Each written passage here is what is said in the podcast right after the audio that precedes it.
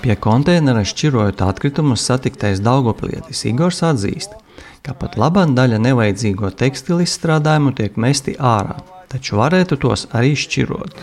Nu, Kaut kas vienkārši tiek mests miskastē, kaut kas tiek saplēsts lupatās, ar kurām noslaucīt automašīnu vai ko citu.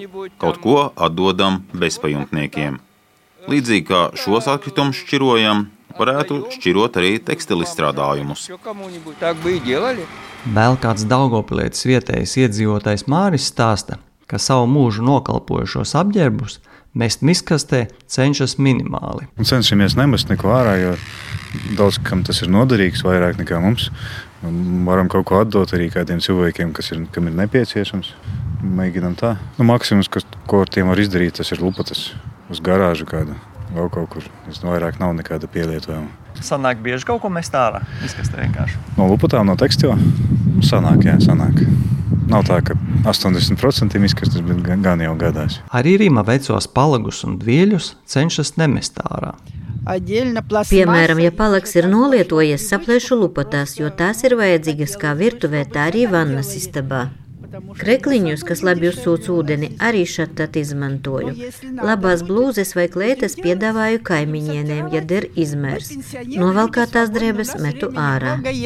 Dienvidlatgales reģionā līdz šim nevienam nevajadzīgie tekstila izstrādājumi nonāca kopējā atkritumu konteinerā. Skaidro atkritumu apsaimniekošanas Dienvidlatgales starppašvaldību organizācijas valdes loceklis Aivars Pudāns. Ja cilvēki paši neatrod, kam atdot, atsakot nonāk ja kopējā sadzīves atkritumu konteinerā un nonāk mums uz šķirošanas līnijas, un no šķirošanas līnijas viņas iet uz apglabāšanu, jo tādu produktu mēs vairs realizēt pagaidām nav iespējams. Pirms pāris mēnešiem Sija Eko Baltija vide sadarbībā ar vietējo atkritumu apsaimniekotāju Līnišķos atkritumu šķirošanas laukumā uzstādīja konteineru tekstila nodošanai. Iedzīvotāju aktivitāti tekstila šķirošanā uzņēma valdes loceklis Jānis Aizbalts vērtē kā pārsteidzoši augstu. Tik lielu mēs nebijām gaidījuši, un, un tas rezultēs ar to, ka sadarbībā ar ACO mēs arī plānojam nākamgad uh,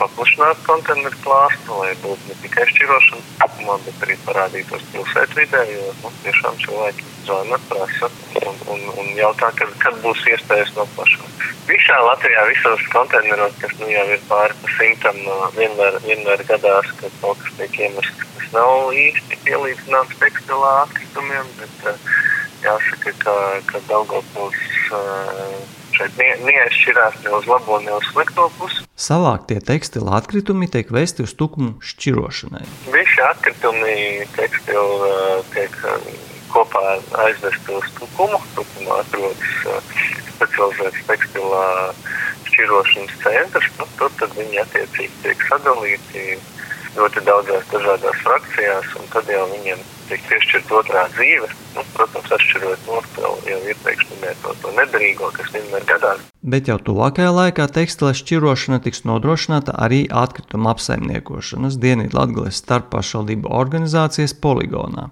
Turpina Aivars Pudāns. Iespējas būs pēc 15. datuma Liginišku laukumā būs tekstila savākšana ar mūsu vienu darboni, kas skaidros, ko drīkst iekšā likt, ko nedrīkst. Un tad mēs visu to nododam tālāk uz tālāko cilvēku nesāšanu. Tātad var tur to nodot tikai tīras mantas, kas domātas trešajām valstīm vai vēl kaut kur. Šķiroti tiks apavi, apģērbi un veļa. Saplēstas un netīras drēbes pagaidām gan netiks pieņemtas, jo šādas pārstrādes Latvijā vēl nav. Paredzams, ka tekstilmateriāla dalītā savākšana pašvaldībām sadarbībā ar atkritumu apsaimniekotājiem būs jānodrošina no 2023. gada.